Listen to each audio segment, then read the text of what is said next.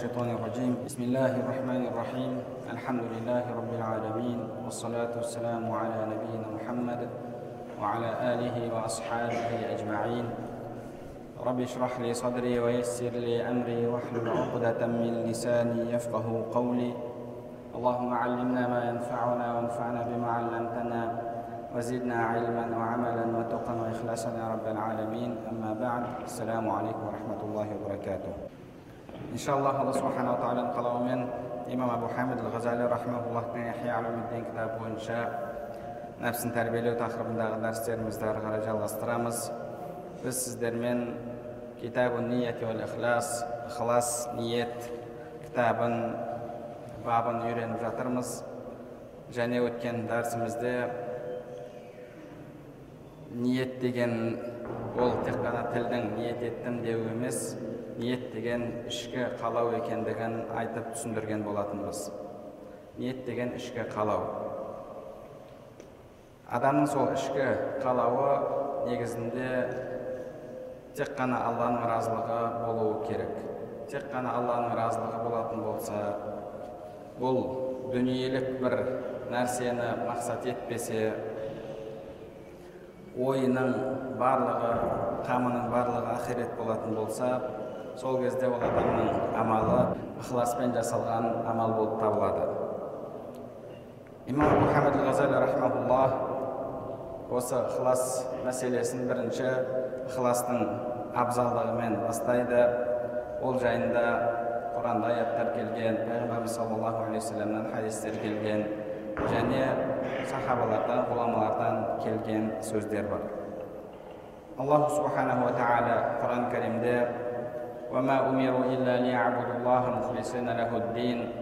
олар алла тағалаға ықыласпен бүкіл құлшылықтарын аллаға арнаған халде құлшылық жасауға бұйырылды деді. Және басқа бір аятта бүкіл құлшылық барлығы сондай бір ықыласпен халис таза күйде аллаға жасалуы керек деді және алла субханала тағала құран кәрімде күнәһарлардың кәпірлердің жазасын айтқаннан кейін артынша илля дейді илля деген тек қана мыналар оларға кірмейді деп келеді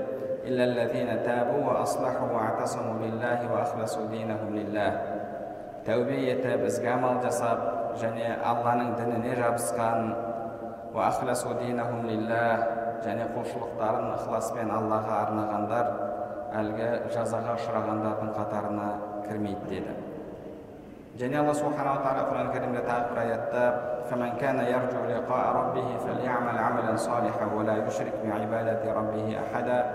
кімде кім раббысымен қауышуды қаласа ізгі амал жасасын және раббысына жасаған құлшылығында ешкімді серік етпесін дейді. Бұл аят бір жағынан алланың құлшылығын екінші жағынан екінші жақтан адамдардың мақтауын қалаған адамға қатысты түскен аят.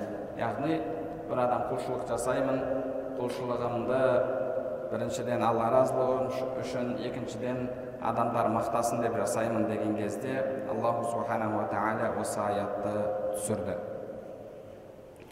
және пайғамбарымыз саллаллаху алейхи уассаламнан имам насаи рахимахуллах риуаят етеді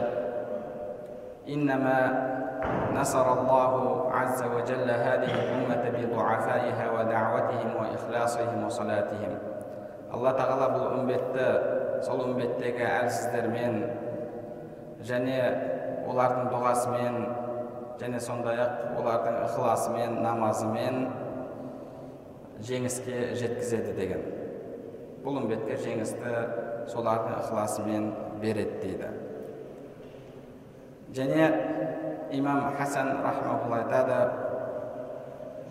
пайғамбарымыз саллаллаху алейхи уассаламнан жеткен риуаяттарда алла тағала былай деген يقول الله تعالى الإخلاص سر من سري استودعته قلب من أحببت من عبادي бұны имам дайлами муснадул фирдаус кітабында али және ибн аббас радиаллаху анхумалардан риуаят етеді алла тағала ықылас бұл менің сырларымнан ол сырымды сүйген құлымның жүрегіне беремін дейді ол сырды сүйген құлымның жүрегіне беремін деді али радиаллаху анхуден келген сөз бар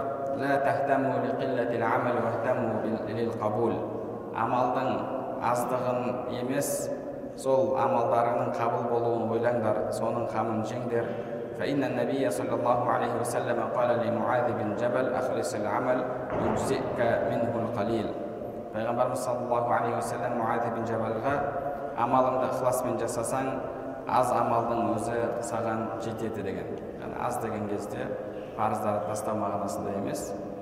Артық амалың болмаса да бірақ негізгі құлшылықтарыңның өзі ықыласпен жасалатын болса сол саған жеткілікті деген. Және имам макхул келетін сөз бар. Қайсы бір адам ықыласпен қырық күн құлшылық жасайтын болса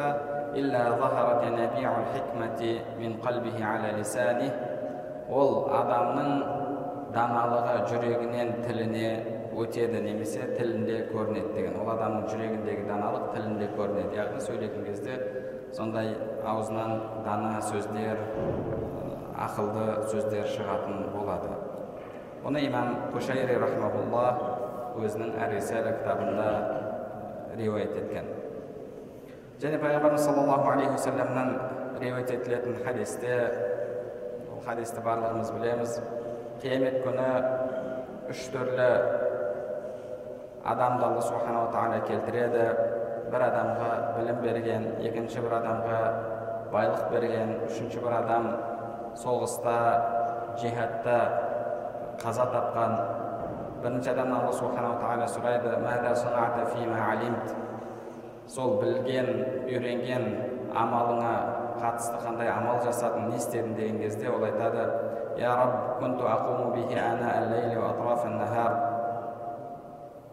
мен бірінші құранымен түндері тұрып намаз оқитын едім түндер тұрып намаз оқитын едім және сондай ақ басқа бір риуаяттарда адамдарға үйреттім деп келеді. Сонда алла субханала тағала кәзәпта жалған айттың дейді. Сен пәленше ғалым деген адамдардың сөзін қаладың сол үшін амал еттің деді. Саған сол нәрсе айтылды деді. Адамдардан сен нені қаладың саған сол нәрсе бұл дүниеде берілді ал менде саған ешқандай сауап жоқ дейді және екінші бір адам алла тағала дүние мал мүлік берген. Алла субханала тағала оған мен саған сондай нығметімді бердім сені бай еттім сен не істедің деген кезде мен күндіз түні садақа бердім жақсылық жасадым мешіт соқтым медресені қаржыландырдым тағы да басқа да сол секілді ізгі амалдарды жасадым дейді сонда алла субханала тағала кәзәпті жалған сөйледің дейді және періштелер де сен жалған айтып тұрсың дейді بل أردت أن يقال فلان جواد ألا فقد قيل ذلك пәленші жомарт деген сөзді естігің келді атағың шыққанын қаладың деді бірақ және сол нәрсе саған айтылды яғни дегеніңе жеттің үшіншісі шайқаста жихадта қайтыс болған адам алла тағала одан не істедің деп сұраған кезде ол я раб әмарта бил джихад о раббым сен джихадқа бұйырдың мен сол джихадта жүріп сенің бұйрығыңды орындап жүріп қаза таптым деген кезде алла тағала кәзәпті жалған айттың адамдардың сен жайында пәленше батыр пәленше шәһид деген сөзді айтқанын қаладың сенің қалағаның болды адамдар сені шәһид деді деген. Және пайғамбарымыз саллаллаху алейхи вассалам хурайра радиаллаху анхуге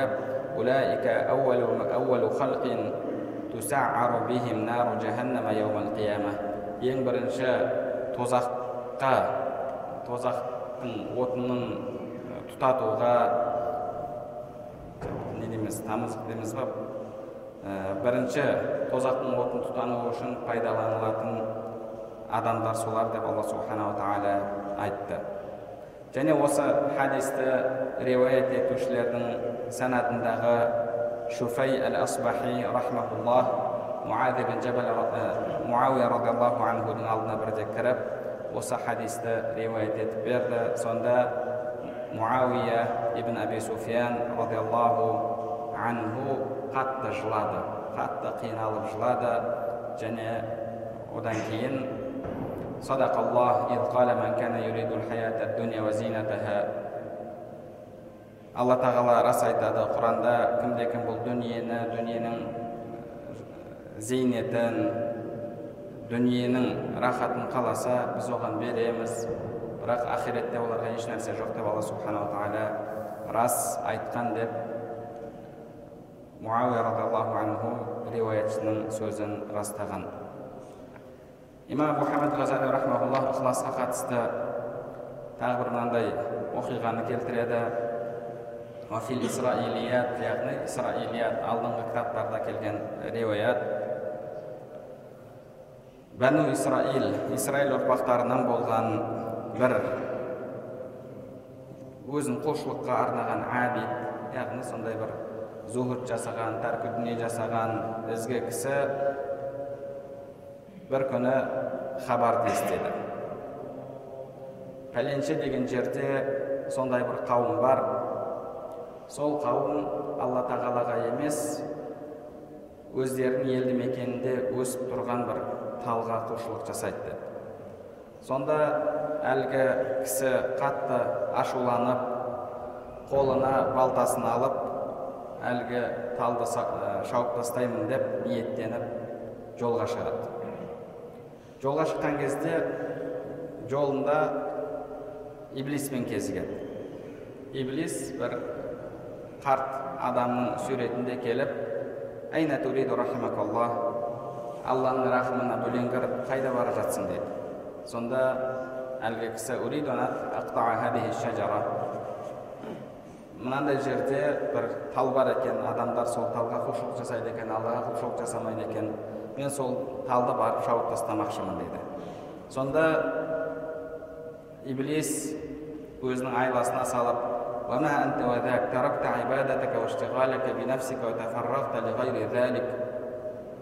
сен құлшылығыңды тастап зікіріңді тастап осы нәрсеге уақыт жұмсап жатсың ба уақыт сарп етіп жатсың ба сенің оған не қатысың бар дейді сонда әлгі кісі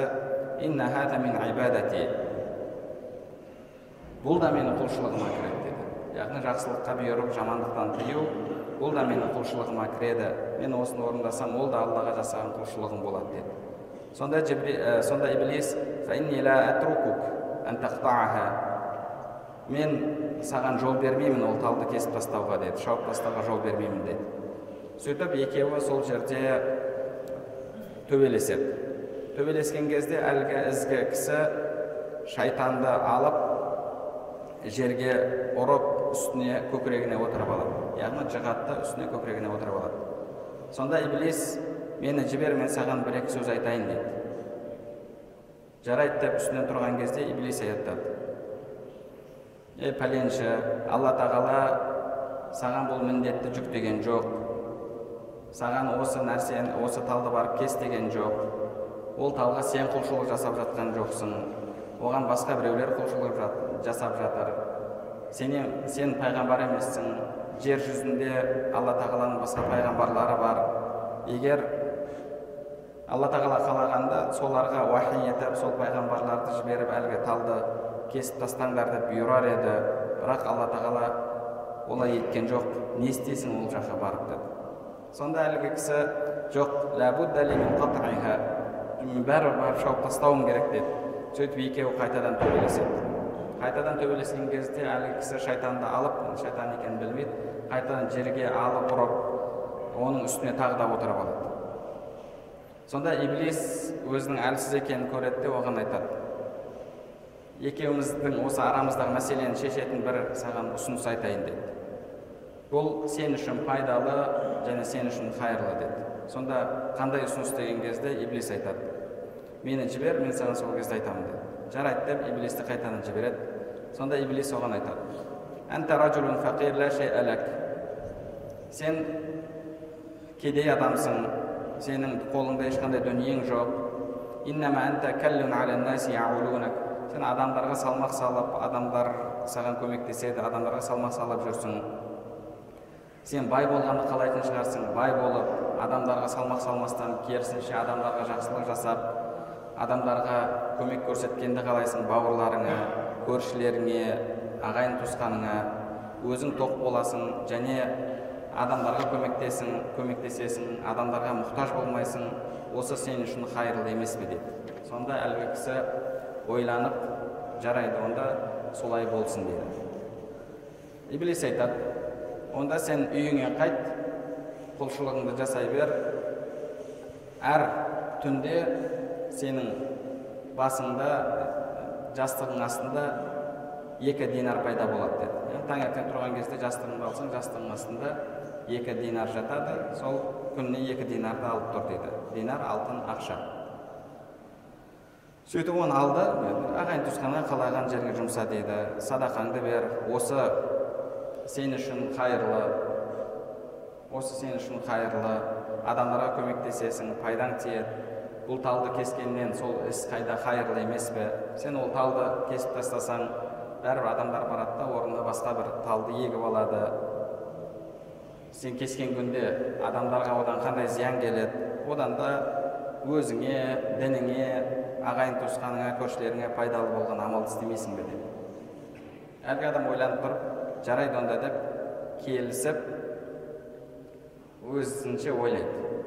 Шынында да мен пайғамбар емеспін маған уахи келген жоқ бұны кес деп талды шауып таста деп. Дінімде еш жерде бұл нәрсе жазылып тұрған жоқ. Егер жазылып тұрған болғанда онда тастап мен осы бұйрықты тастап күнәһар болар едім. Бірақ ешқандай еш, жерде ондай нәрсе жазылып тұрған жоқ. Одан да әлгі дүниені алып садақа берейін пайдам көбірек дейсің деп ойланады да иблистің айтқанына келісіп үйіне қайтып кетеді. Құлшылық жасайтын орнына қайтып кетеді. Сөйтіп ертеңіне таңертең оянып жастығының астын қараса жастығының астында екі динар жатыр. Мәз болып алып садақасын беріп ана өзіне пайдаланып сөйтіп сол күн өтеді. Келесі күні оянып тағы да қараса жастығының астында тағы екі динар жатыр. Оны да алып пайдаланады. Сөйтіп үшінші күні жастығының астын қараса ақша жоқ. Төртінші күні жастығының астын қараса тағы да ақша жоқ. Сонымен ашуланып қайтадан қолына балтасын алып жолға шығады. Қайтадан әлгі қарт кісінің бейнесінде иблис алдынан шығады. Қайтадан әлгі сөзді айтады. Алланың рахымынан бөленгір қайда бара жатсың? деді.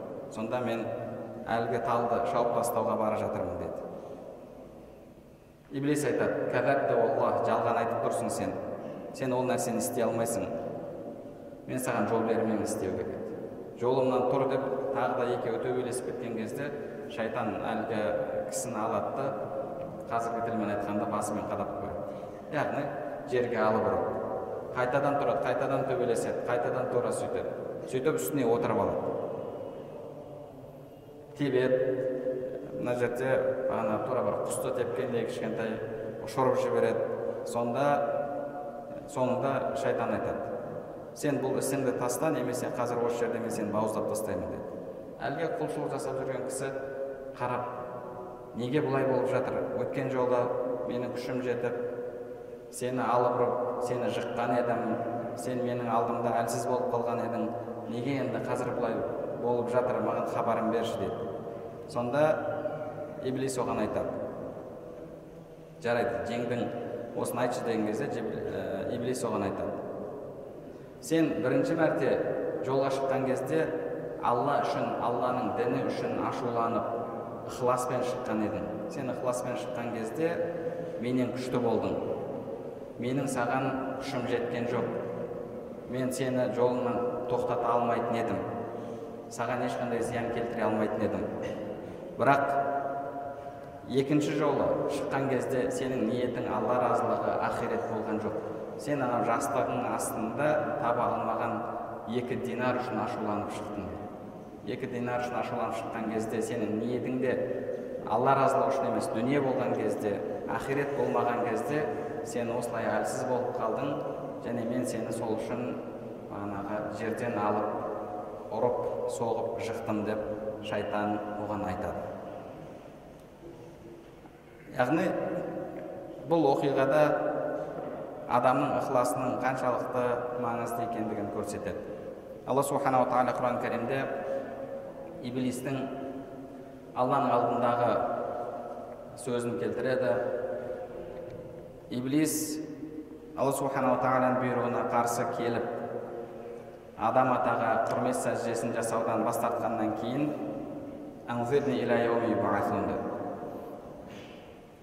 маған қияметке дейін рұқсат бер деді алланың рахметіне ұшырады. Кейін алла тағаладан сұрады маған адамдар қайта тірілетін күнге дейін рұқсат берді алла субханала тағала саған мүмкіндік мұрсат берілді деді сонда ол айтты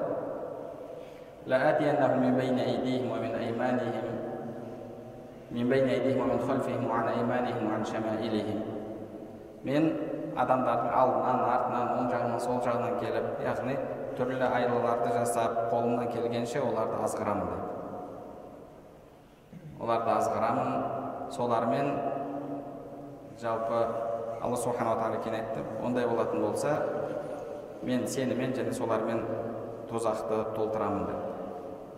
Сонда иблистің айтқан сөзі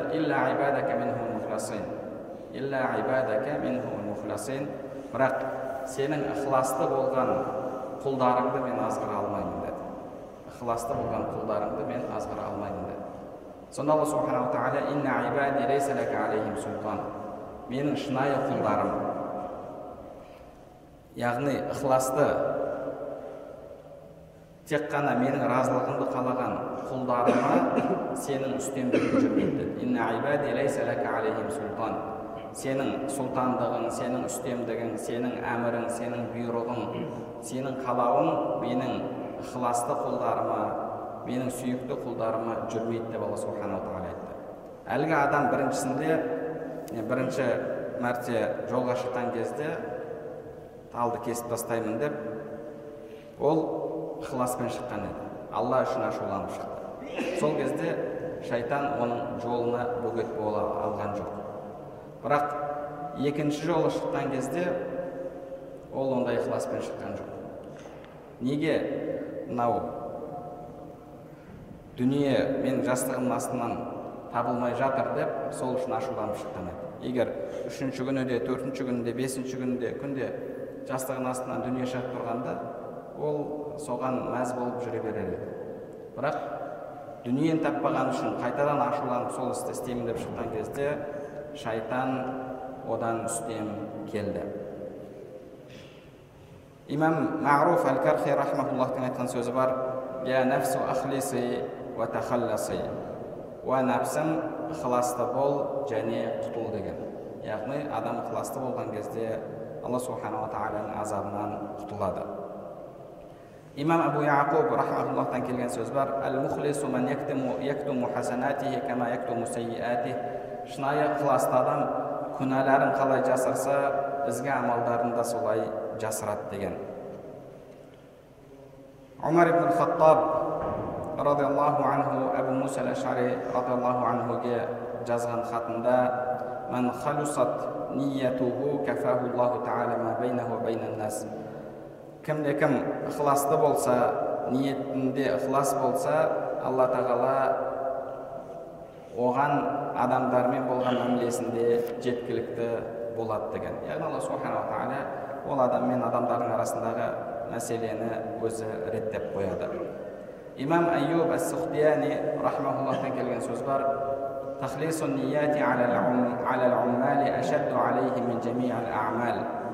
Алла жолында амал етушілер үшін ең ауыр амал ықыласпен амал жасау деген.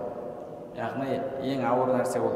Ораза тұту немесе ыстық күнде ораза тұту қажылық жасау дүние қалтадан дүние шығару емес ең ауыры бұл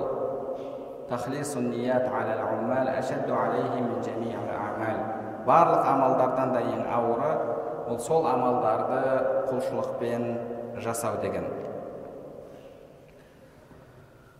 Бір ізгі кісілердің бірі басқа бір әулие кісінің түсіне кіреді. сонда түсінде әлгі адамнан сұрайды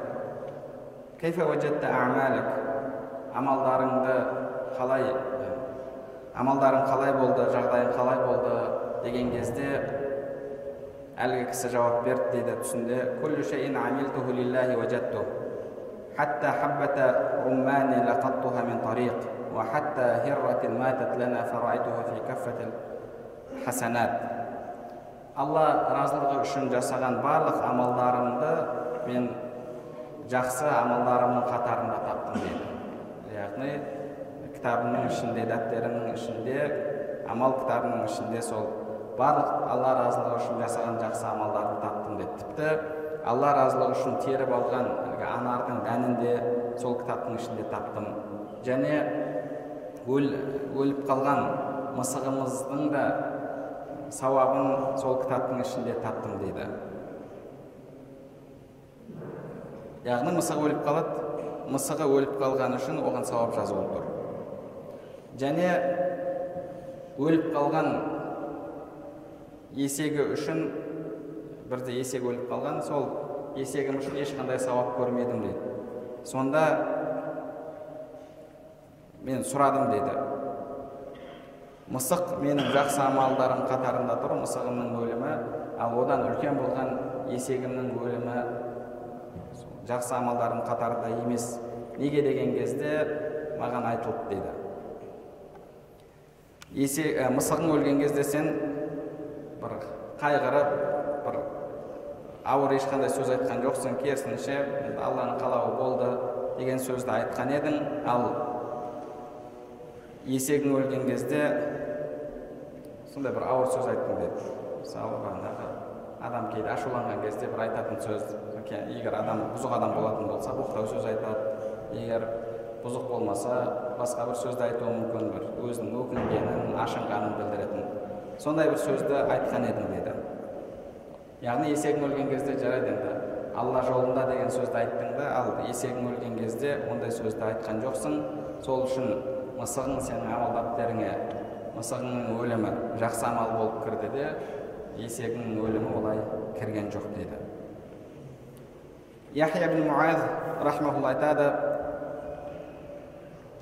الإخلاص يميز العمل من العيوب كتمييز اللبن من من الفرث والدم адамның ықыласы оның амалын оның амалын амалдың айыптарынан сүт қалай тазаланса мына құранда алла субханала тағала айтқандай алла тағаланың қалауымен сүт әлгі қан мен жынның арасынан сондай таза болған халде шығады деп. Жын деген әлгі қарында тұратын бір нәрсе соны жын деп атайды. Бұл жерде жын деген әлгі адам адам сияқты жын деп ойлап қалмаңыздар. Құранда алла субханала тағала яғни бір нәжіс сияқты нәрсе. Сонымен қанның арасынан алла субханала тағала таза сүт шығарған. Тура сол қалай тазаланып шықса адамның ықыласы амалдарын солай тазалайды деді айыптардан. Және сондай ақ имам мұхаммед ғазали рахмаулла тағы бір бір оқиғаны риуаят етеді. Ізгі кісілердің бірі былай айтып берген деді. Бірде мұсылмандармен бірге теңізде болатын жихадқа шықтым деді. Яғни теңізге шықтым деді. Қайық кемемен мұсылмандардың кемесімен соғысқа шықтым деді. Сол кезде арамыздан бір кісі маған тамақ пісіретін нәрсе ұсынды деді тамақ пісіретін нәрсе мынау жақсы тамақ пісіргенге ыңғайлы осыны ал деді. Мен ішімнен ойладым деді сатып алайын осы соғыста пайдаланамын пайдаланамын. Кейін соғыстан кейін пәленше қалаға барған кезде сатып жіберіп пайдасын көремін деп ішімнен ойлап сатып алдым дейді және сол түні түс көрдім түсімде аспаннан бір екі адам түсіп біріншісі екіншісіне мынау шайқасқа қатысып жатқандарды жаз деді жаз деді де екіншісі жаза бастады пәленше серуендеп шықты пәленше рия ниетімен шықты пәленше сауда ниетімен шықты пәленше алла жолында шықты деді де кейін маған қарап уктуб хараджа фулянун тәжира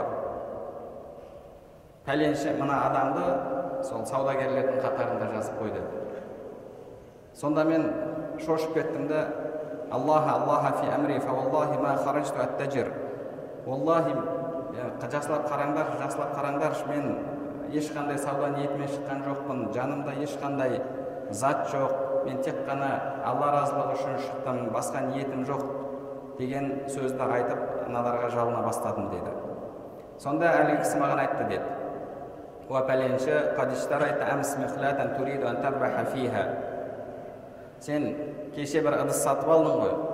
Сол ыдысты кейін пәленше қалаға барған кезде сатып үстінен пайда көремін деп ниет еткен жоқсың ба деді. Сөйтіп мен ананы естіген кезде қатты жыладым да оларға жалына бастадым деді. ля тактубуни тәжира ля тактубуни тәжира мені сол тижарат жасаушы яғни саудагерлердің қатарында жазбаңдаршы жазбаңдаршы деп жылай бастадым деді сонда әлгі кісі яғни түсінде көріп тұрған кісі екіншісіне айтты деді не дейсің не істейміз деген кезде екіншісі айтты деді اكتب خرج فلان غازيا إلا أنه اشترى في طريقه مخلاة ليربح فيها حتى يحكم الله عز وجل فيه بما يرى онда пәленше алла разылығы үшін шайқасқа шықты. Бірақ жолында пайда көру ниетімен ыдыс сатып алды деп жаз. Алла субханала тағала өзі үкімін береді деп солай жазып қой деп айтты дейді. Соны естіген кезде мен қатты шошып оянып жыладым дейді әлгі кісі. Яғни адамның ықыласы сондай нәзік нәрсе оған кез келген нәрсе әсер етуі мүмкін. Алдыңғы имамдарымыздан келетін сөздердің бірі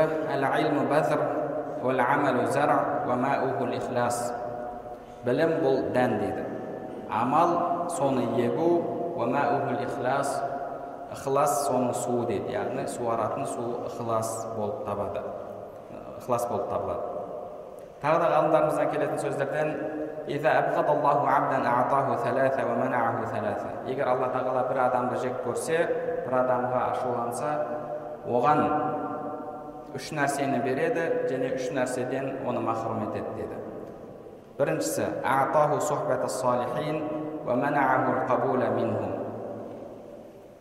ол адамға алла тағала ізгілермен араласуды ізгі кісілермен араласуды нәсіп етеді бірақ олардың жүрегі әлгі адамды қабылдамайды дейді.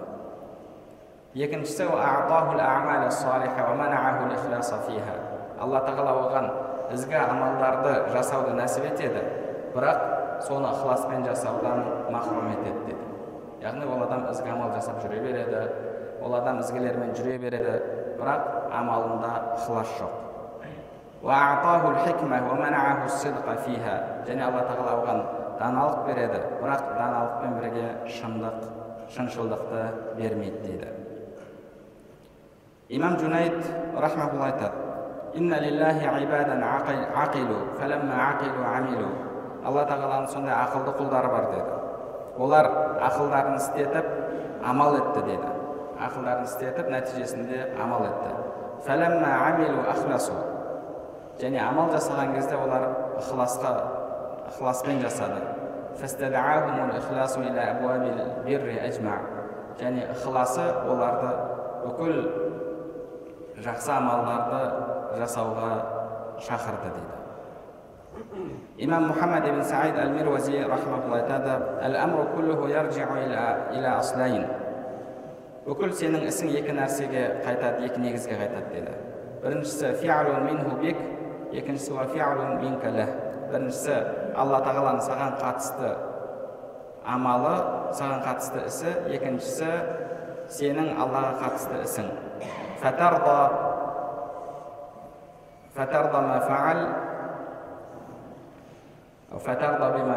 біріншісі енді құтылу үшін алла тағаланың ісіне разы болуың керек